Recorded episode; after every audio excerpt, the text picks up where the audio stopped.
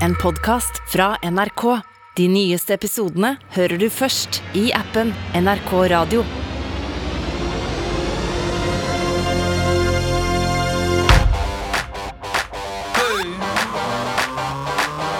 Popkorn over politikk med Sean Henrik Matheson og Gjermund Stenberg Eriksen.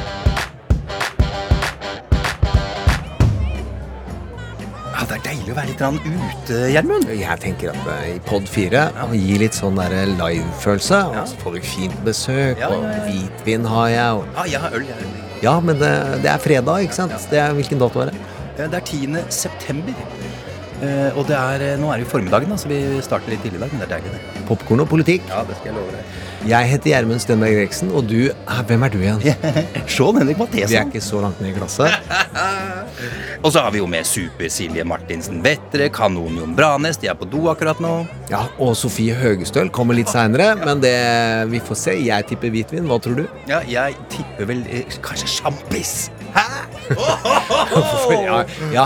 Du, eh, vi, og vi skal jo da forklare eh, I hvert fall forsøke å forklare det som skjer i politikken rundt omkring i verden, og vise hvordan de samme fenomenene er gjeldende da i film og serier i hjemmen. Det er litt ideen vår. Det er litt ideen vår. Ja, altså Mange av dem som jobber i politikken, de må jo tenke og jobbe på samme måte som de som skriver og lager filmer og serier. De som er flinke og vinner valg, i hvert fall, mener jeg. Men det får vi jo se. Men du, eh, du vil jo snakke om eh, i dag også. Du var jo veldig personlig forrige gang, Gjermund. Ja, og jeg tenkte å fortsette i den leia, og eh, kanskje fordi at før eller siden så kommer det ut. Altså, eh, hvorfor jeg måtte sone noen år i fengsel. Skal du ta det nå? Nei, det var for å få lytteren litt fram på setet. Men det er eh, en måte å i dialog få vendepunkter. Og det er noe av det jeg syns vi må snakke om i dag. Vendepunkter. Det er spennende. For eh, jeg vil si at det er atomet i all drama, men også i all kommunikasjon. Altså ikke kvarker, ikke elektroner eller protoner. Det fins mindre bestanddeler som må skje inni en scene. Okay. Men det viktige for at en scene eller kommunikasjon skal skje, det er vendepunktet. Ja. Og det kan være vanskelig å oppdage, og det kan være utrolig vanskelig for oss som jobber med det, å få lagd det. Men eh, hvis du Fordi vi puster det, vi spiser det, og vi eh, tar det inn på alle mulige former, akkurat sånn som atomer, men vi legger ikke merke til bestanddelen. Eh, og for å tenke på hva et vendepunkt egentlig er, så er det hvis du blir utsatt for en hendelse, en, noen som sier noe, eller du ser noe, og du faktisk føler og tenker noe annet, da har du en vending av verdimessig art. Du går fra minus til pluss, eller pluss til minus. Og mange tror at de kommuniserer, men hvis du ikke får til en emosjonell endring i det du gjør, så har du egentlig ikke kommunisert. Du har utvekslet lyd, og det er det veldig mange som gjør. Man kan være i et ekteskap, og det fungerer helt glimrende. Og dette gjør jo at de som kan det, og klarer å gjøre det live i politikken, eh, er dyktigere enn andre, fordi du klarer å engasjere lytteren, og du klarer å få de til å leve seg stadig lengre inn i den problemstillingen eller det temaet du prøver å ta opp. Eller i en serie eller en film, så trenger du at hver eneste scene skal ha et vendepunkt der du får seeren til å føle noe annet enn det de begynte i det scenen begynner. Hver eneste scene. Ja, og det er utrolig vanskelig. Ja. De fleste får ikke til i alle, men det er et sånt hovedkrav som egentlig har gått fra antikken til i dag, eh, men som operativt som operativt ofte blir beskrevet i sånn litteraturanalytisk sammenheng. Men det er vel så viktig bare å forstå det emosjonelt. Altså hvordan publikum møter et stykke kommunikasjon, så må de tenke og føle noe annet. Tenk på all reklamen du blir utsatt for, hvor du ikke mener en dritt etter at du har sett den. Det er fordi du ikke tør å prøve å få folk til å føle noe annet. De som lager reklame. Ja. Og det er veldig mange som da har politiske taler, og de tør ikke si noe som engasjerer nok. De legger seg på midten. kan ikke? Tør ikke eller kan ikke? Nei, det er det. altså Du må risikere noe da for å få folk til å engasjere. Og så må du ha språkkompetanse nok til å få, dra folk inn og endre verdien.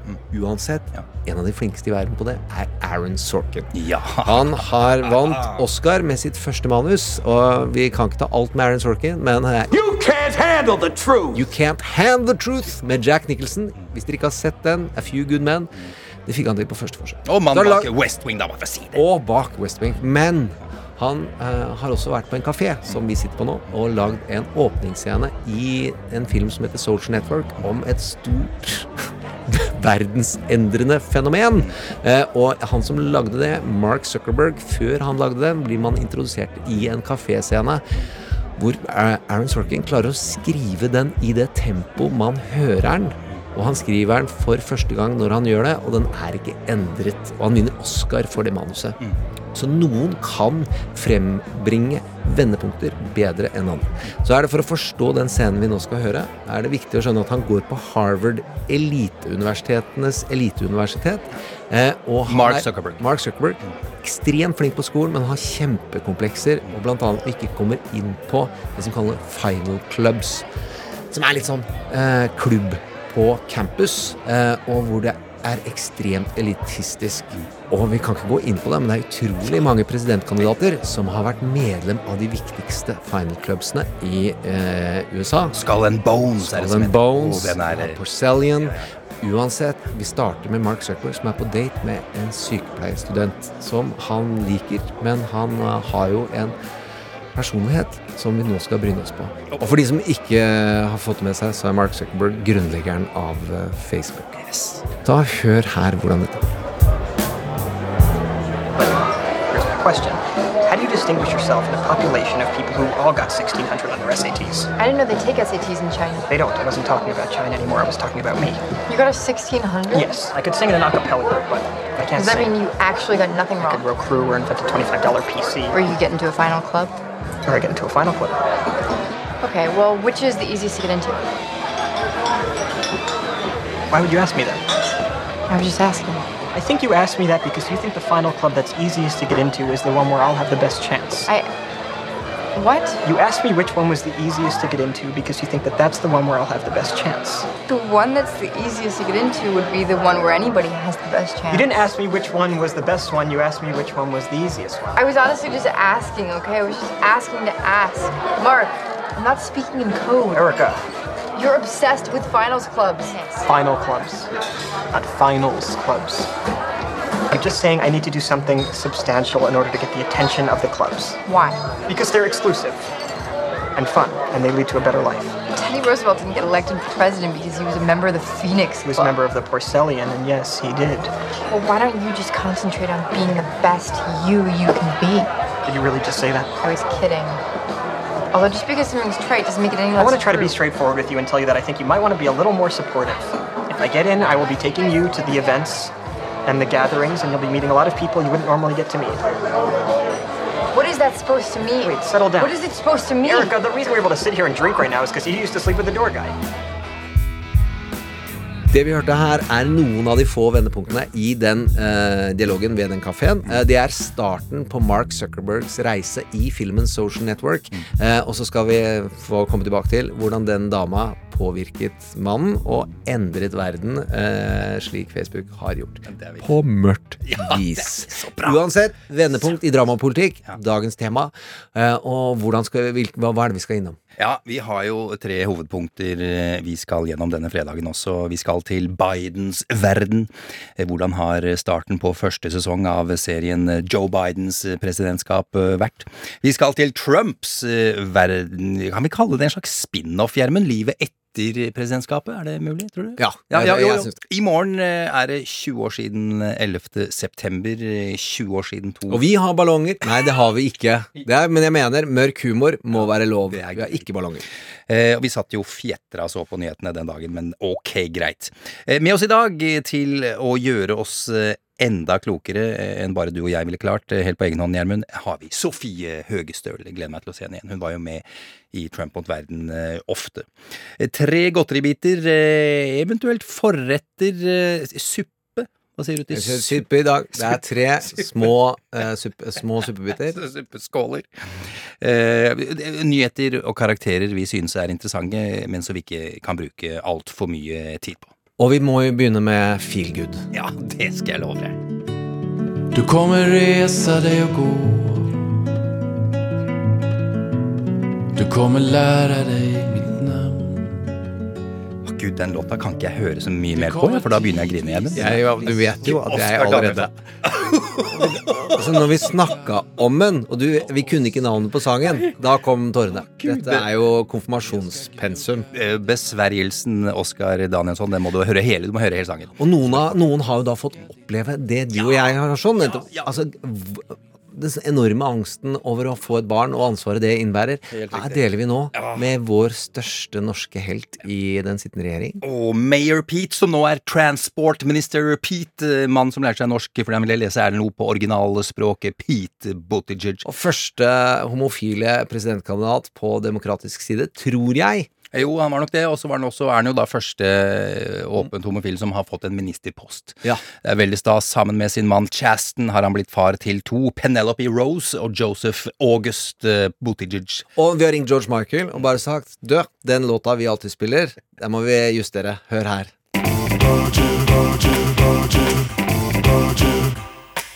Ja, det er fire ganger Buttigieg. Det er nydelig. Du, eh, tror du han har kalt opp sønnen sin etter Joe Biden? Han heter jo Joseph! Det er en måte å komme seg opp og fram. Eh, skulle ikke forundre meg om det ligger en homasj. Han er jo beregnende og fin. Og så må vi til våre norske Haaland-lyttere nevne at det er en annen nordmann i regjeringen.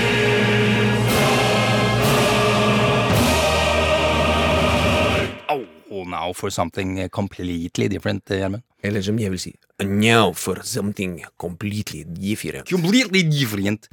Eh, Vi skal til eh, Russland, og at den russiske beredskapsministeren ja, han døde under en øvelse i de arktiske områder for noen dager siden. Eh, Heltemodig sies det, var visst et fossefall, har jeg skjønt, kommer fram de siste dagene her. En kameramann falt. Og ministeren hoppet etter, traff en stein og døde. Eh, interessant karriere denne beredskapsministeren har, forresten. Var KGB-agent, eh, Putins livvakt eh, der. Og så jobba han som med kontraspionasje i FSB, altså det er Russlands FBI, på en måte. Flere tunge stillinger i tillegg, før han da altså ble beredskapsminister. But it is even more interesting. Det er jo at opposisjon og folk som ikke er Putin-happy, sier jo at er vi så sikre på at det var han som hoppet etter fotografen, eller var det fotografen som hoppet etter han? Det er utrolig dårlig gjort dersom denne helteministeren er helteminister. Vet ikke. Men det må også være mulig å diskutere at ikke all informasjon som kommer ut fra Putins presse, presseområde, eh, eh, holder mål. Er han helt, så feirer vi ham som helt. Er det manipulert, så er det manipulert. Da vil vi komme tilbake til det. Det var godt oppsummert. Vi skal jo selvfølgelig innom eh, Russland sånn utover høsten. Ja, men nå skal vi jo til AOC, Alexandria Ocasio-Cortez. Den yngste kvinnen som noensinne tok plass i Representantenes hus, var 29 år da hun tok office eh, i 2019. Eh, New York opplever et helt vilt eh, uvær for tida. Ida, som orkanen heter, og nye stormer er muligens på vei. Flere titalls døde. Gjermund, du husker vel hva den republikanske senatoren og Trump-fanatikeren Ted Cruz gjorde da Texas ble rammet av kuldebølle? Selvsagt, han gikk dør til dør i Texas og spurte hvordan det gikk, og ga det i suppe. Nei, nei. Eh, Han satte seg på flyet og dro til Cancún i Mexico for å slappe av i varmen. And you can could not. Det er ikke det lureste du gjør her i verden. det Det er dad joke-nivå, men det klarer vi ikke Det- Nei, det, vi er dads eh, og liker dad jokes. Eh, AOC, hun gjorde nettopp det du sa nå. Fordi hun, hun og staben hennes ringte rundt til velgerne sine. De lurte på om de hadde det bra, og om de trengte Det hjelp. er veldig godt politisk håndverk. Og du må huske på, hun slo en veldig etablert demokrat når hun blei valgt. Nettopp ved at hun klarte å få troverdighet på at ja, jeg jobber på kafé, men jeg I know my community. Så dette tror jeg ikke bare var et PR-stunt. Det vil si at hun ringte noen få, og så lot journalister få vite, men at hun rett og slett gjør det. Det er eh, godt, eh, godt håndverk. Omsorg lønner seg. Ja, You should have known. Ja, det er helt vilt. Og la oss da komme tilbake til hvordan det gikk egentlig på denne kafeen etter at Zuckerberg hadde fått forklart om Final Clubs, og hvilke gleder han vil klare å gi folk som henger med folk som er på Final Clubs, altså kvinnen han er ute på date med. Hvis hun velger å fortsette å være sammen med han, så vil han ta henne til steder, og det vil bli ganske gjevt. La oss høre her, før eh, Sofie Høgstøl og andre kvinner skal eh, komme og sette på plass eh, skap. You are probably going to be a very successful computer person. You're gonna go through life thinking that girls don't like you because you're a nerd. And I want you to know from the bottom of my heart that that won't be true. It'll be because you're an asshole.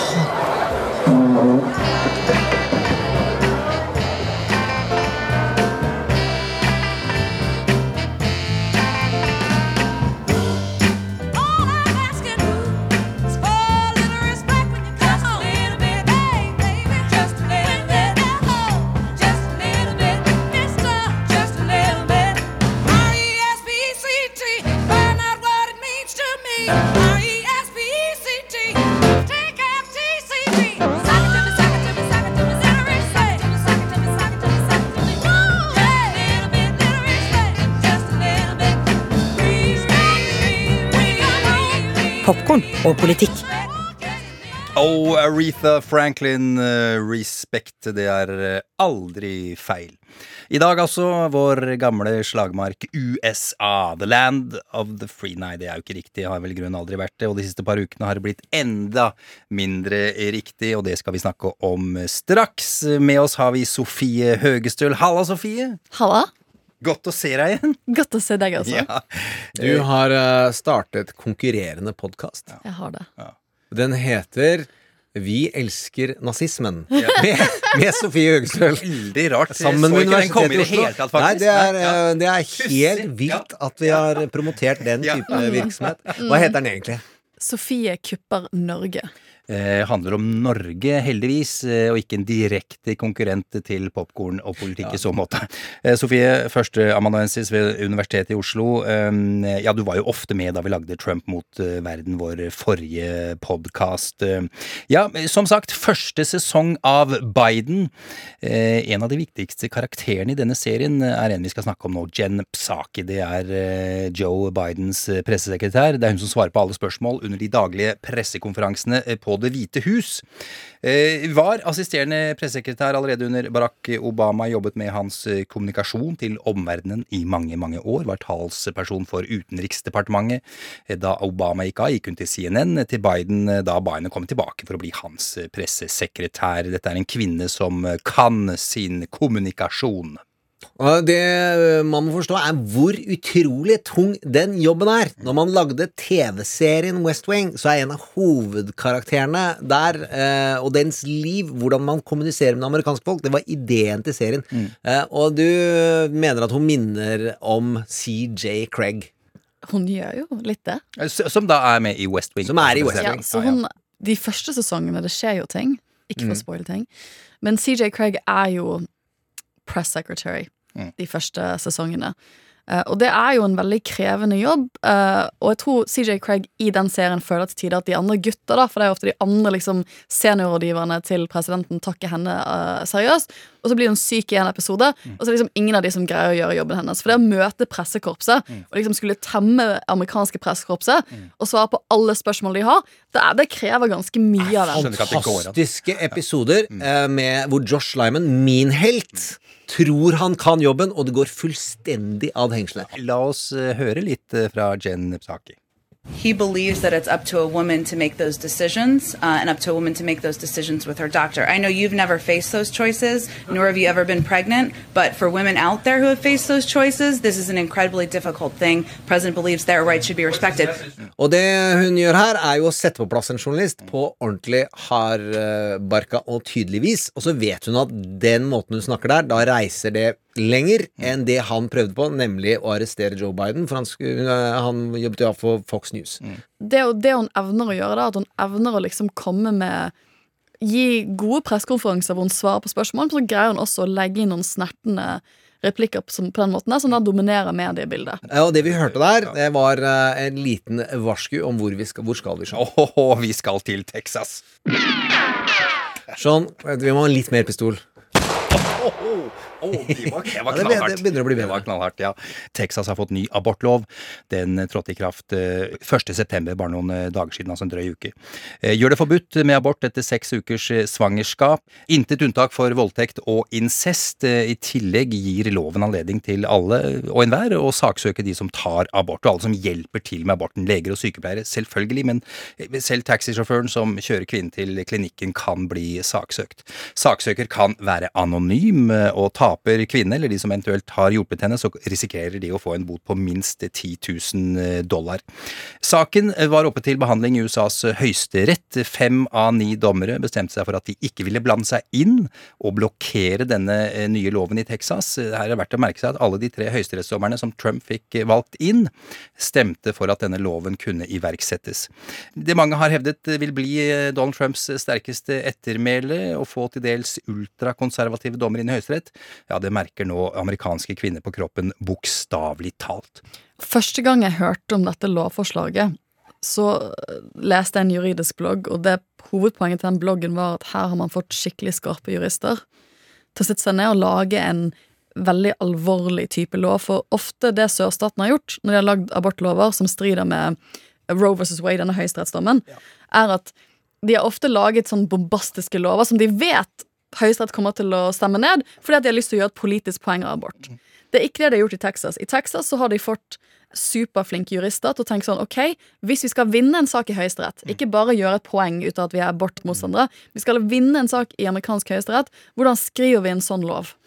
Og så har de tatt utgangspunkt i å skrive en så smart lov som mulig, som kanskje kan gå gjennom i Høyesterett. Det har de hatt mer suksess enn de kanskje hadde trodd. For som du sier, det som vanligvis skjer i en sånn type sak, er at så snart loven trer i kraft, så saksøker noen og sier at dette her er i strid med Grunnloven. Og da setter vanligvis amerikansk høyesterett loven på vent og sier at ok, dette må vi høre mer om. Men så tar det jo litt tid før et søksmål kommer til amerikansk høyesterett. Så da setter de loven til side og setter, ok, vi venter med å innføre den inntil vi har fått høre hele saken og den har fått gått gjennom rettsvesenet. Det gjorde ikke Høyesterett denne gangen.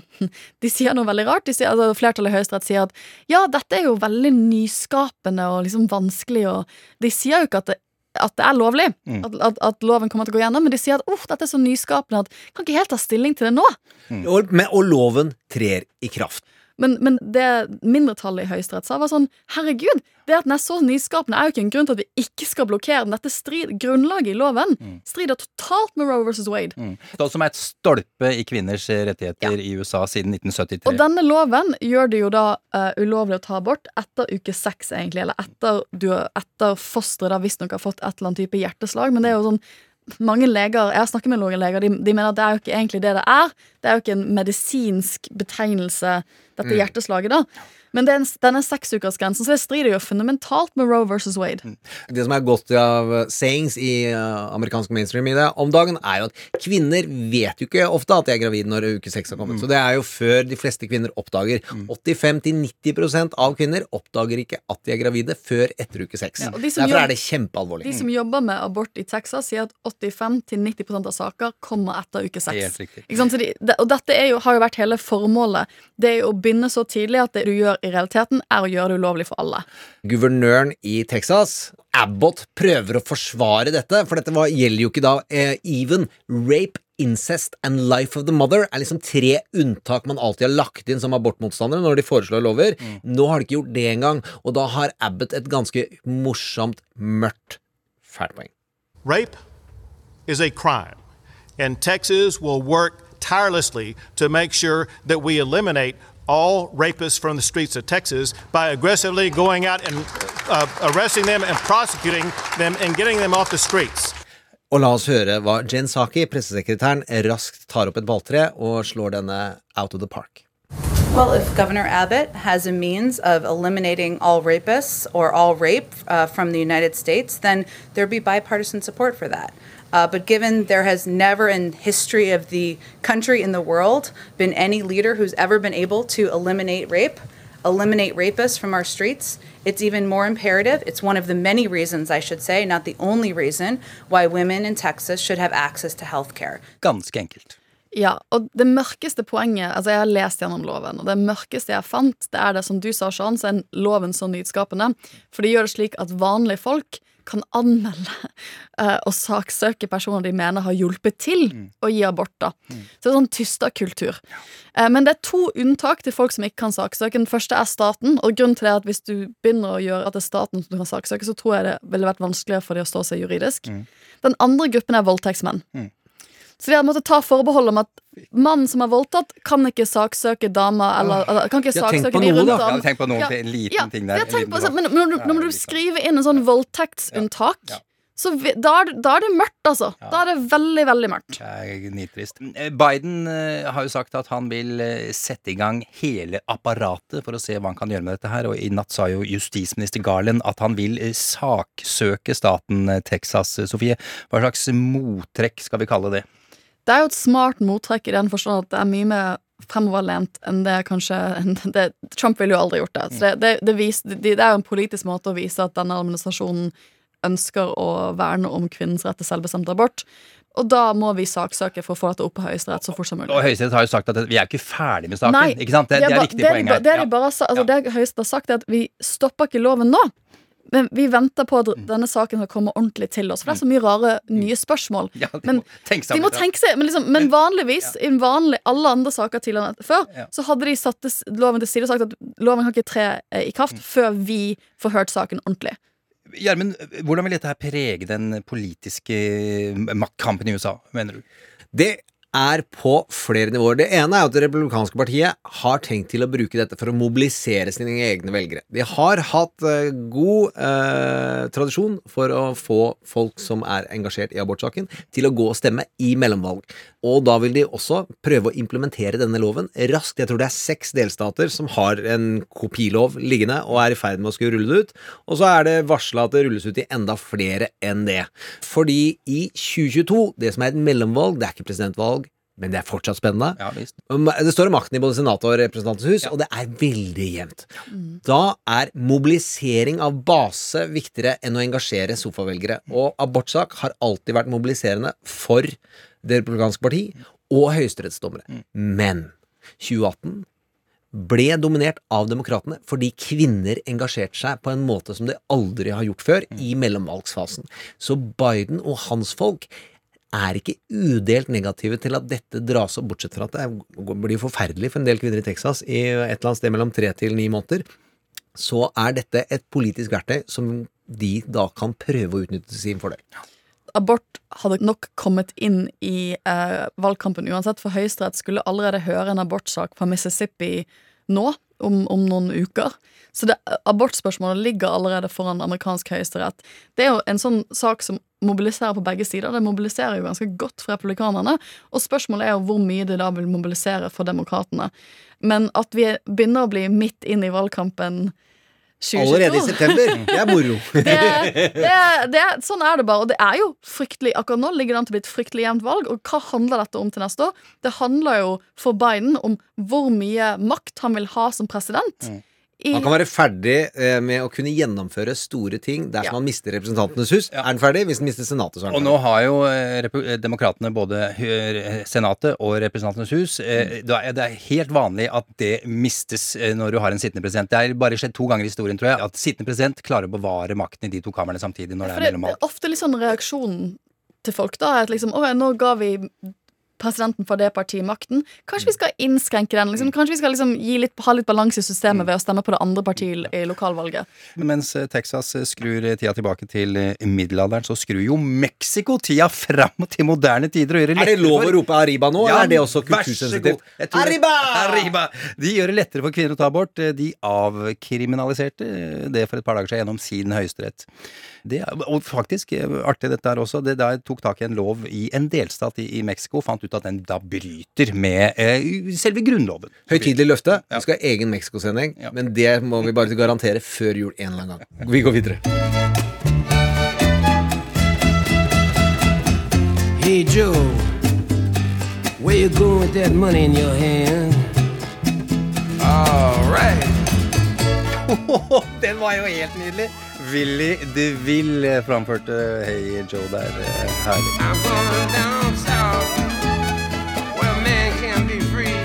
Ja, vi, som sagt, vi skal se litt på hvordan starten av første sesong av Bidens eh, presidentskap har eh, gått. Det er 232 dager siden Joe Robinette Biden jr. ble innsatt som den 46. presidenten i USA. Det er jo ofte de første 100 dagene man snakker om som, som nyinnsatt president. Og dette lover jeg å gjøre da, og hva har han gjort innen 100 dager, alt det der. Eh, Og de første 100 gikk vel rimelig greit. Over all forventning. Ja, det kan du godt si. Lovet å sette 100 millioner doser, for eksempel. Eh, Satte faktisk over det dobbelte. Over 200 millioner doser. Eh, Dette fikk han jo da til, annet eh, gjennom en gigantisk økonomisk hjelpepakke på 1,9 billioner dollar som han eh, fikk gjennom Kongressen. Det var i mars. eh, The American Rescue Plan het den. Covid-pakke, for å si det enkelt. Folk fikk sjekker i posten. Den amerikanske økonomien fikk fart igjen. Arbeidsledigheten gikk ned i rekordfart. Jeg vil si, en president har aldri skapt så mange nye arbeidsplasser i løpet av de første 100 dagene noensinne. Og dette her er vel kanskje de viktigste tingene for den jevne amerikaner, men så kom delta-varianten for full guffe, vendepunktet. Det er eh, en stund siden de første 100 dagene nå. Nå har Biden opplevd flere skikkelige vendepunkter. Eh, Ny abortlov i Texas, som vi har snakka om, delta-varianten som vi kommer tilbake til, eh, den begynner også å prege økonomien, og ikke minst Afghanistan. Gjermund, hvordan står disse fire linjene mot hverandre? Det jeg tror, er at Afghanistan det blir en rød liten flekk når historien tegnes. Ja, det var krise, var flaut i hvordan det var mangelfullt planlagt. Materiellet var dårlig, det døde noen amerikanske soldater. Men det er økonomien og pandemihåndteringa som dessverre preger hverandre, og vil være avgjørende for hvordan det går med Biden og i de andre representantene i kampen om Representantenes hus. Ut fra det vi vet i dag, så er dette, denne abortsaken utrolig seilende opp. Men i amerikanske medier så sier man Afghanistan kommer til å prege det. Hva tror du, Sofie? Altså, Hvis du ser på approval ratingen, altså hvor populær Joe Biden er, så ligger de nå under vann. i den forstand Før, i sommeren, så var det 52 som sa god jobb. Og nå er det bare 45% av befolkningen som sier det. Så nå han er under 50 Men og, det er de- sånn, og det begynner å dale kraftig etter Afghanistan. Men de tallene, hvor viktige eller uviktige er de, vil du si, Sofie? Um, de er jo en indikasjon. Man skal ikke legge alt i disse meningsmålingene. Men det er jo et bilde på at folk var mer fornøyd i sommer, så kom Afghanistan, og så han tapt oppslutning. Men Trump er jo ikke på akkurat å pushe ham på det sporet. At Trump ikke biter hardt i Afghanistan og krigsavviklingsskandalen i at 18 mennesker ble drept og de ikke hadde helt kontroll på flyplassen, og vi kan snakke lenge om at ikke alt er på stell der, det er også en indikasjon på hva han føler at man vinner. Mm. Det andre er jo disse eh, oppslutningstallene. Trump var alltid under vann, og langt under vann hele veien. Likevel så har alle valg med Trump vært spennende. Så forklaringskraften til approval rating hos presidenter har avtatt, fordi det er mer en indikasjon på stemningen måned for måned. Hva syns du om jobben, enn det påvirker valgresultatet? Mener Nate Silver, med, hvis jeg tar det litt fritt etter hukommelsen. Nate Silver fra 538. Ja. Dette vil- nettstedet vi liker veldig godt. Der kan dere gå inn, og så kan dere se approval rating, hvordan det går med presidenters approval rating. Du kan se de grafene, du kan se på alle presidentene Ja, tilbake gøy. til andre verdenskrig. Kjempegøy. Og da kan du se at det alltid går nedover etter 100 dager. Mm. Og så er det noen svære ting som du, da man ser. Økonomi. Mm. Alltid viktig. Krig og konflikt. Kan gå begge veier. Bush gikk opp til 70% oppslutning. Hvordan dette ender i 2022, er ikke Det er vanskelig å si hvilken effekt Afghanistan kommer til å ha i 2022. Jeg tror Det som jeg syns er skummelt, og kanskje vel så spennende, det er hva er stemningen i det republikanske partiet for valg generelt sett? Jeg så at Trump har vært ute denne uken og allerede sier at i California så foregår det en sånn spesialvalg nå. Han er allerede ute og så tvil om det er reelt, om det kommer til å være massivt valgfusk der også. Det du refererer til nå, er eh, recall election. Eh, Guvernøren har jo blitt eh, satt på omvalg, som er en litt pussig greie. litt pussig, men Hvis du er veldig misfornøyd med folkevalgte i USA i noen stat, så kan du Ja. si ja, men da, hvis vi får nok signaturer, så må du stille til valg igjen. Jeg, jeg, jeg sliter litt med om det er, eh, er fint og demokratisk, eller om det er veldig rart. Jeg er usikker, egentlig. Jeg vet ikke hva du tenker om det når vi først snakker om det. Det kommer litt an på. Det er jo en måte hvor velgere kan føle at de er tettere på demokratiet sitt enn det man vanligvis ville vært. Direktevalg og direktedemokrati ja. er veldig vanskelig å si at er strømlinjeformer og gjør livet bedre for gjennomføring av politikk.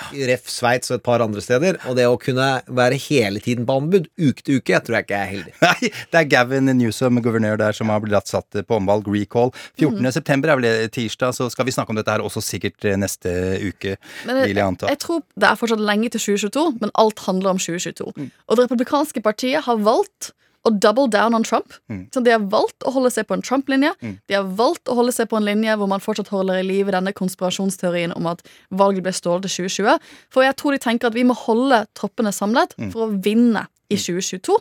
For alt handler om det. Vinner vi ikke i 2022, så har vi ikke maktbase. Mm. For hvis de vinner i 2022, så tror jeg Trump for eksempel har bedre sjanse på å dominere partiet. Da har jo det funket at de har fortsatt å støtte han. Mm. Hvis de ikke gjør et godt valg i 2022, da er jo spørsmålet vil de endelig da være kommet til et punkt hvor de har klart å gå videre for Trump eller ikke. Mm. Vi har jo snakket om det i mange år, føler jeg. at Nå, nå vil ikke republikanerne mer. Nei. Men så vil de det allikevel. Ja, de vil, De vil eh, allikevel. de vil allikevel. Eh, men jeg tenker sånn, den dynamikken, de har valgt en Trump-strategi frem mot 2022. Biden holder på sin strategi. Mm. For jeg, tenker, jeg tror han tenker at Hvis vi kan bare holde på huset, Mm. så er det såpass stort, og da vil republikanerne ligge ganske langt nede. Og hvilke strategier er det, bare for å ta det kjapt i to setninger? Det er økonomi. Mm. Det er jobber og økonomi, og viser at staten fungerer. At government can work. Build det er Biden sin. Build Ja, build back better. It's the economy, stupid. Dere to, vi, vi må ikke glemme, når vi snakker om eh, Trump her, eh, at eh, dette var en mann som lenge var tilhenger av, av kvinners rett til selvbestemt abort. eh, Men jeg vet ikke, som av ulike årsaker, skal vi si det, ganske overraskende egentlig, endret mening. Endra han litt, eller gikk han litt sånn langt? Du kan høre. Uh, the answer is that there has to be some form of punishment. For the woman? Yeah, there has to be some form. Ten Let- let cents, just ten you, years, I don't what? know. That I don't know. Popkorn og politikk med Sean Henrik Matheson og Gjermund Stenberg Eriksen.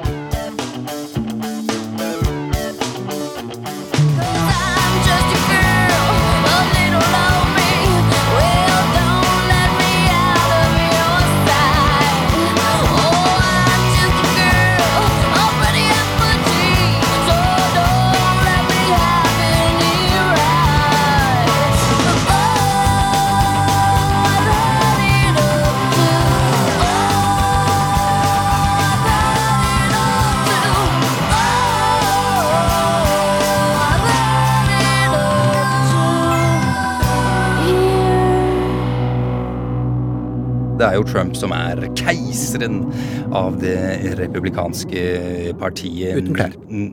Ja, det er det vel mange som mener. Eh, Dersom du er eh, republikaner og ønsker deg en politisk eh, karriere, da er det bare én ting du kan gjøre. Det er å bøye deg for Trump og bli med i Trump-istan. Vi, sa at vi skulle snakke mer om pandemien, det skal vi gjøre nå. Og når vi ser på det med delta-varianten, da, så kan vi vel si at Eller kan vi si det at det er et resultat av Trumps politikk, og at eh, republikanerne følger den helt dønn lojalt, Gjermund? En av de tingene jeg syns vi snakka om ganske tidlig i Trump on verden, er nemlig det politiske valget han tok urimelig tidlig. Eh, nemlig om han ville vedde på at økonomien var det viktigste ved valget i 2020, eller om det å håndtere pandemien. Og han satsa alt på økonomi, og så begynte han å snakke ned alvoret i pandemien, og så vet vi gjennom gode bøker at han visste hvor mange som kom til å dø. Han visste at det var livsfarlig, og likevel så begynte han å diskreditere eh, Fauci, denne helsesjefen som ba folk Hold avstand, bruk masker, vi må skru ned aktivitetsnivået, alt dette dere har hørt i, om covid-håndtering. Og han politiserte maskebruk og vaksiner og det å ivareta folks helse. Og det har jo fortsatt i det republikanske partiet. Vi spilte forrige uke at han prøvde å si at han hadde tatt vaksine. Da ble han bua. Mm, ja, Det er helt riktig. Bare for å si det, altså etter en eh, solid nedgang da i covid-tilfellene i USA, så snudde det i juni. På det laveste var tallet ca. 11 000 per dag, altså ukesgjennomsnittet. Eh, på det høyeste for ei uke siden altså, nesten 170 000 i gjennomsnitt i løpet av ei uke. Omtrent 1000 mennesker dør om dagen. Til sammen har nå ja, over 650 000 mennesker dødd av covid i USA. En voldsom stigning. Det er California som har flest tilfeller, Texas nummer to, Florida på en eh, vond tredjeplass. Eh, Hvordan vil dette påvirke Trumps eh, oppslutning, tror du, Sofie?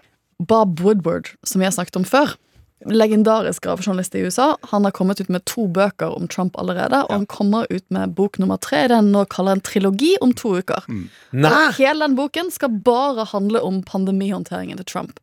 For det store Bob Woodward kom ut med på høsten i fjor, når vi satt og drev med Trump mot verden, det var jo at han hadde tapes som ga uttrykk for at Trump skjønte litt av alvoret i pandemien, men snakket allikevel ned i begynnelsen. Så en, et kritisk blikk på hvordan Trump håndterte pandemien, kommer til å fortsette å være Bare for å ta. Bob Woodwards bøker. Den første het Fear.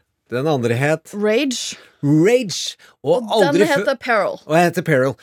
Bob Woodward har aldri gått inn i valgkamp og sagt 'stem ditt og stem datt'. Men Rage er noe av det tydeligste 'stem ikke Trump' som Bob the Journalist noen gang har meldt. Og det du har sett i USA siste halvåret som er skikkelig trist, det er at pandemien har jo Det har jo vært politisk hele tiden, men du har virkelig hatt republikanske stater hvor folk har valgt å ikke vaksinere seg. Og der har, der har sykehustallene bare eksplodert.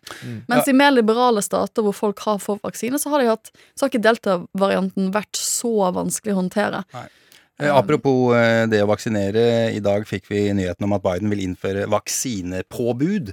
Eh, Eller at folk må testes eh, ukentlig. 100 millioner amerikanere får et krav om å, å vaksinere seg. Hvis ikke får de bot, eller arbeidsplassen deres kan få bot. Han krever også at alle statsansatte skal eh, vaksineres. Eh, Hva Det påpekte jo du at det var han imot i mars eller januar. Han har sagt i hvert fall at jeg vil ikke innføre innføre påbud. Det må han nå, for ellers så ødelegger det økonomien. Pandemideltahåndteringen er den enkeltfaktoren som har påvirket kjøpekraften og arbeidsledigheten mest i USA. At man ikke får i gang økonomien. Og da vet han at han taper i 2022 hvis ikke han får det inn. Så da går han jo all in på at greit, da må vi kreve vaksiner. Så får vi se om Ja, det står men, seg. men det er jo, altså, dette er jo høyrisiko også for Biden.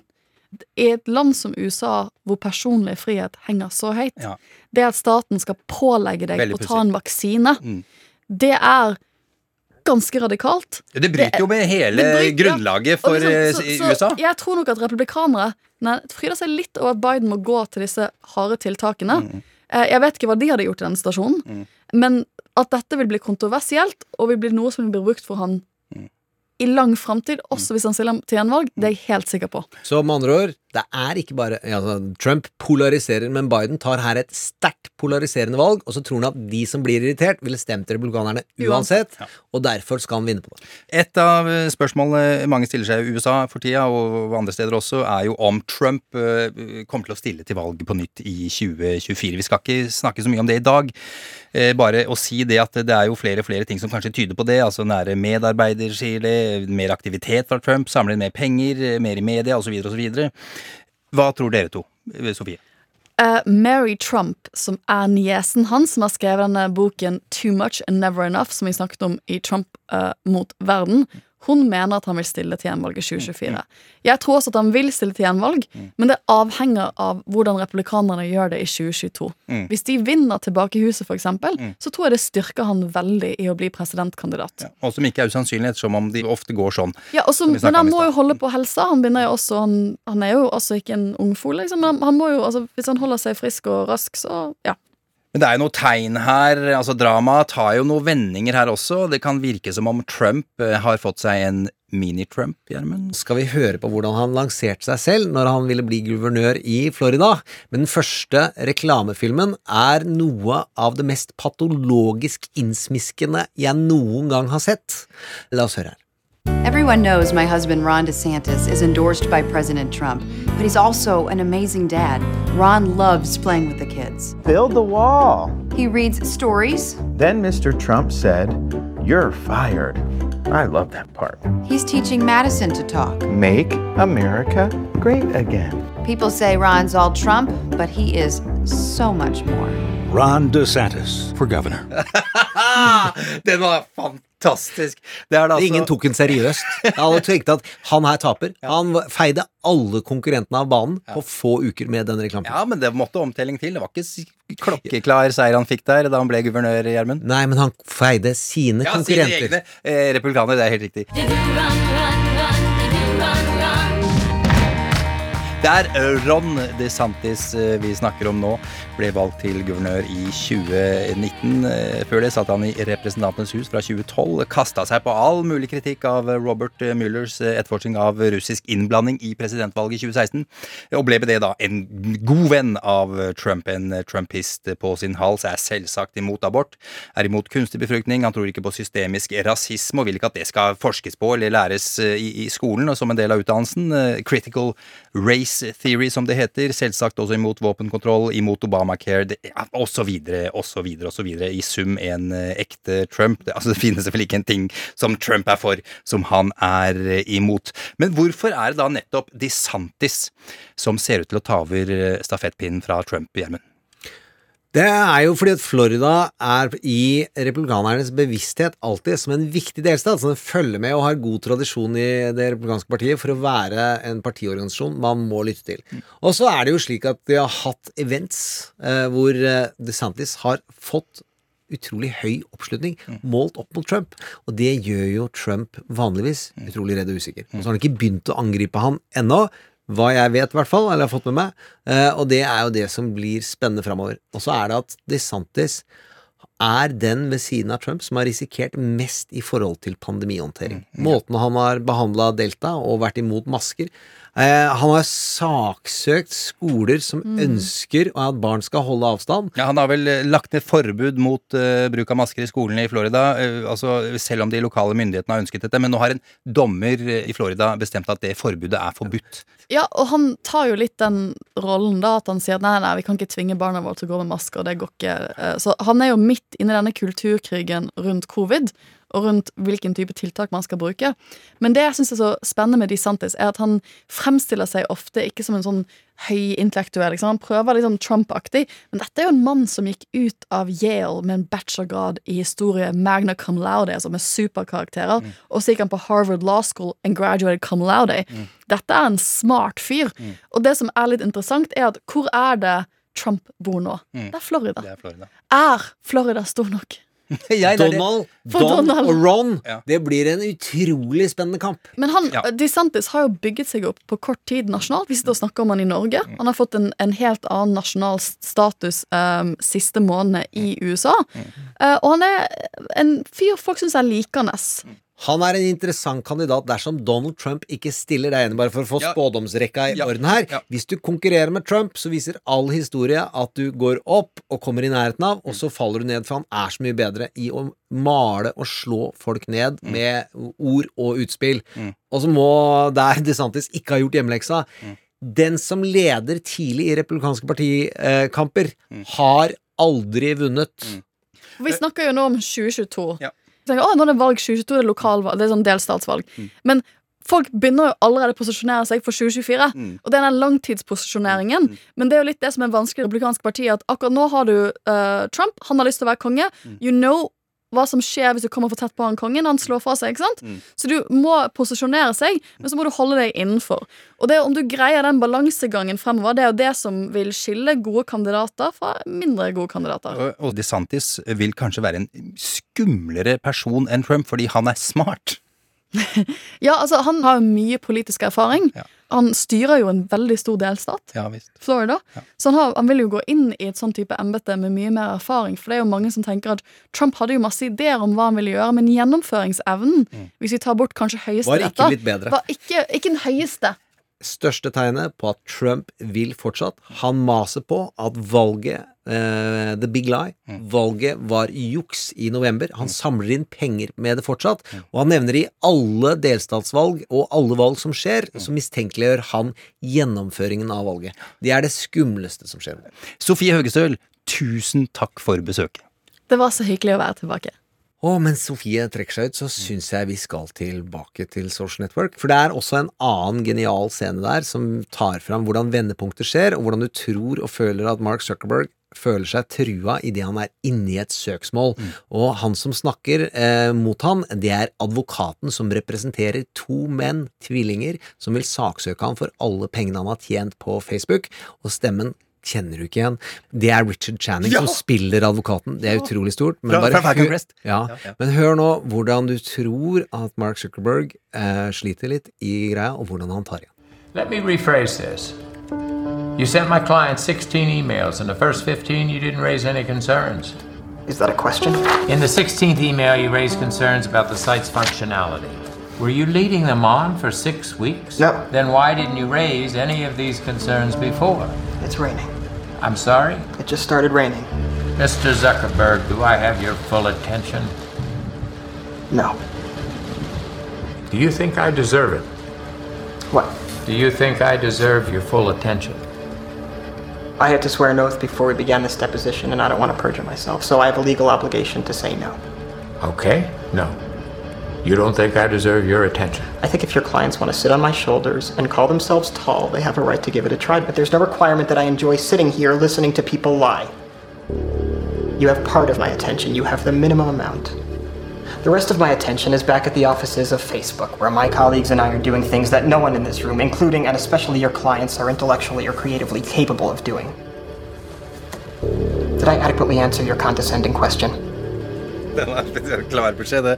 Ja. Uh, Vinkelvoss-tvillingene, var ikke det? De slo seg opp på bitcoin i nå i senere tid. Helt klart.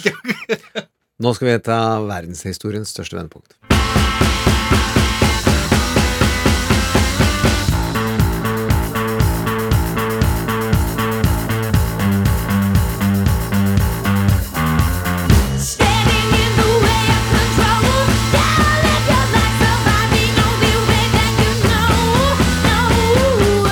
Popkorn og politikk.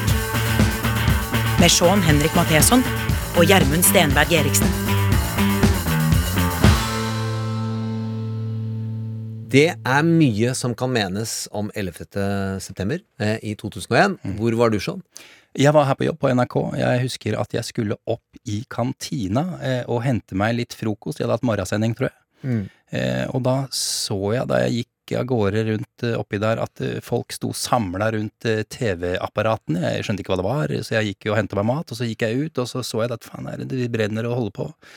Og folk sto og var bleke i ansiktet og var helt Og måpte. Det, jeg, jeg, det er altså en av de sterkeste opplevelsene jeg har hatt eh, noensinne, må Ja. jeg si, da jeg skjønte hva det var som foregikk. Jeg òg vil si det setter det utrolig høyt oppe på sterke skjellsettende, eh, som jeg har lært meg ordet at det betyr skillesettende og ikke granatskjellsettende. Eh, uansett, jeg hadde sagt opp jobben min som lærer på Universitetet i Oslo tidlig om morgenen eh, og skulle begynne i reklamebransjen om økonomi og alt. Jeg hadde ikke hatt, hadde ikke hatt et gram økonomi i fagbakgrunnen min. Så sitter jeg og pakker ned, og så ser jeg World Trade Center brenner. Første jeg tenkte, var verdenskrig. Eh, og det trodde jeg ikke jeg skulle oppleve i livet mitt. Jeg tenkte verden har blitt smartere. Mm. Så skal ikke vi snakke om alle sider av 11. september i dag. For NRK har laget fantastisk podkastserie, eh, Krig og fred, som har en egen eh, underserie som tar for seg ulike aspekter ved den. Eh, og de har også en Urix-sending som tok det for seg på onsdag, eh, og det kommer helt sikkert mye stoff om det i morgen. Det jeg har lyst til å peke på, er målet med denne aksjonen er kommunikasjon fra bin Laden sin side. Det er ikke volden som er målet, det er effekten av volden. Det er kommunikasjon. Terror er ikke vold, det er en følelse. Det er det du skal føle.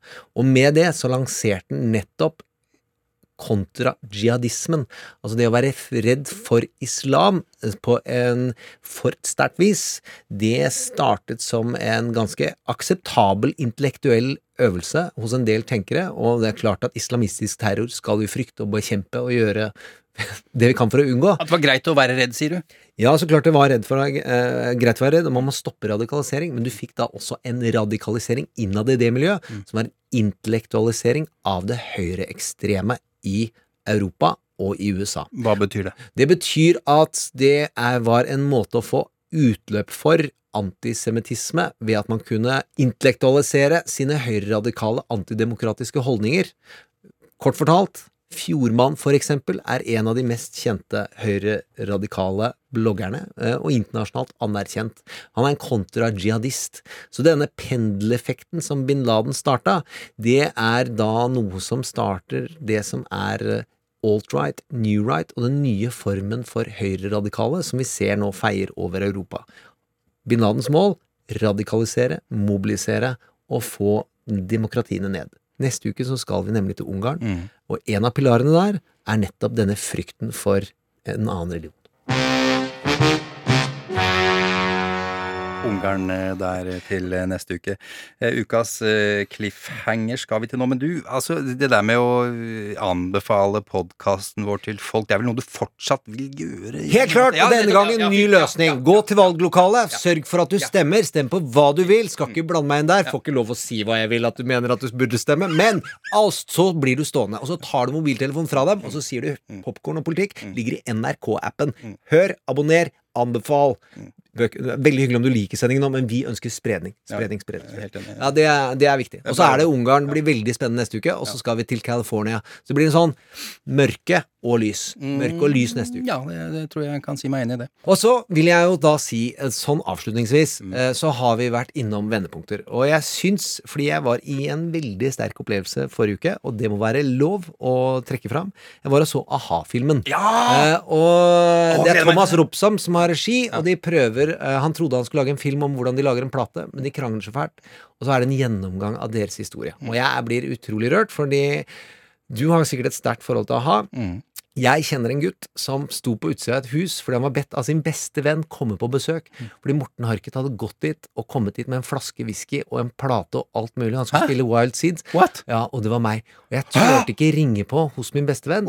Og jeg sykla fram og tilbake og ringte opp. Jeg, jeg tør ikke, jeg klarer ikke ringe. Fordi jeg han satt inne i huset? Han bodde på det samme tomta som hun bodde. Øh, jeg er utrolig glad for at jeg ikke gjorde det. Eh, fordi Morten Arket trenger sikkert ikke en til som sier 'jeg digger å ha' rundt seg. Men de hadde noe nordmenn ofte ikke er så gode på. Inderlighet. Altså De turte å si 'jeg skal bli popartist', og jeg skal gjøre alt jeg kan for det. Helt uironisk. Og så reiste de over og lagde internasjonal pophistorie. Det er vanskelig uten å se filmen å skjønne hvor svære de er, og hvor drøy den katalogen er. Og så musikalsk så bruker de da også vendepunkt sterkere enn de fleste andre jeg vet om. Subjektive a-ha-fan. Men Manhattan Skyland den drar deg inn i en følelse av melankoli og varme, og så snur den over i sinne. Og jeg syns det er en av de modigste komposisjonene jeg vet om i livet mitt. Og jeg syns man skal ta inn det og tenke på hvis du ikke prøver å få noe den andre til å føle, så har du egentlig ikke kommunisert. Vi snakkes neste uke. Vi fikk jo litt sånn i halsen nå, eller begynte du nesten å grine litt? nå? Nei, det var forkjølelse. Det var forkjølelse! Ok, ok. We sit and watch umbrellas fly.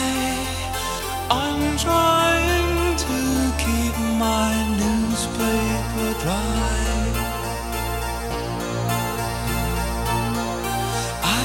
Hear myself say, My boat's leaving now, so we shake hands and cry. Now I must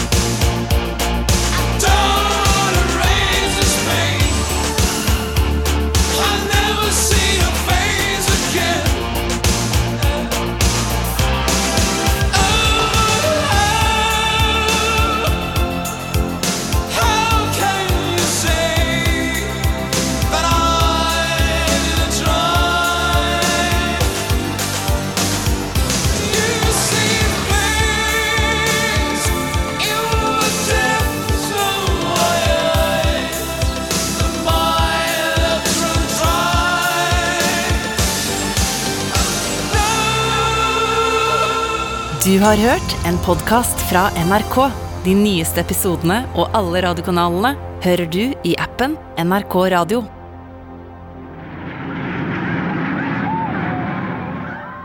There is black and gray smoke pouring out of it right now. There shouldn't be any aircraft in that area. Det verste angrepet mot USA noensinne skjedde 11.9. for 20 år siden. Møt de som opplevde terroren på kroppen. I was covered with all the debris and all the ash. And I'm just so glad that my eyes are still fine. De som havnet i krigen, Det første jeg så i kikkertsiktet, var en afghaner. Han kom inn og var helt fortvila. Han mente at Al Qaida hadde reist. og de som lever med 11. september hver dag. De følger med hva du driver, hva du gjør, hvor skal du fly? Jeg er Tove Bjørgaas. Hør podkastserien Krig og fred 11. september i appen NRK Radio.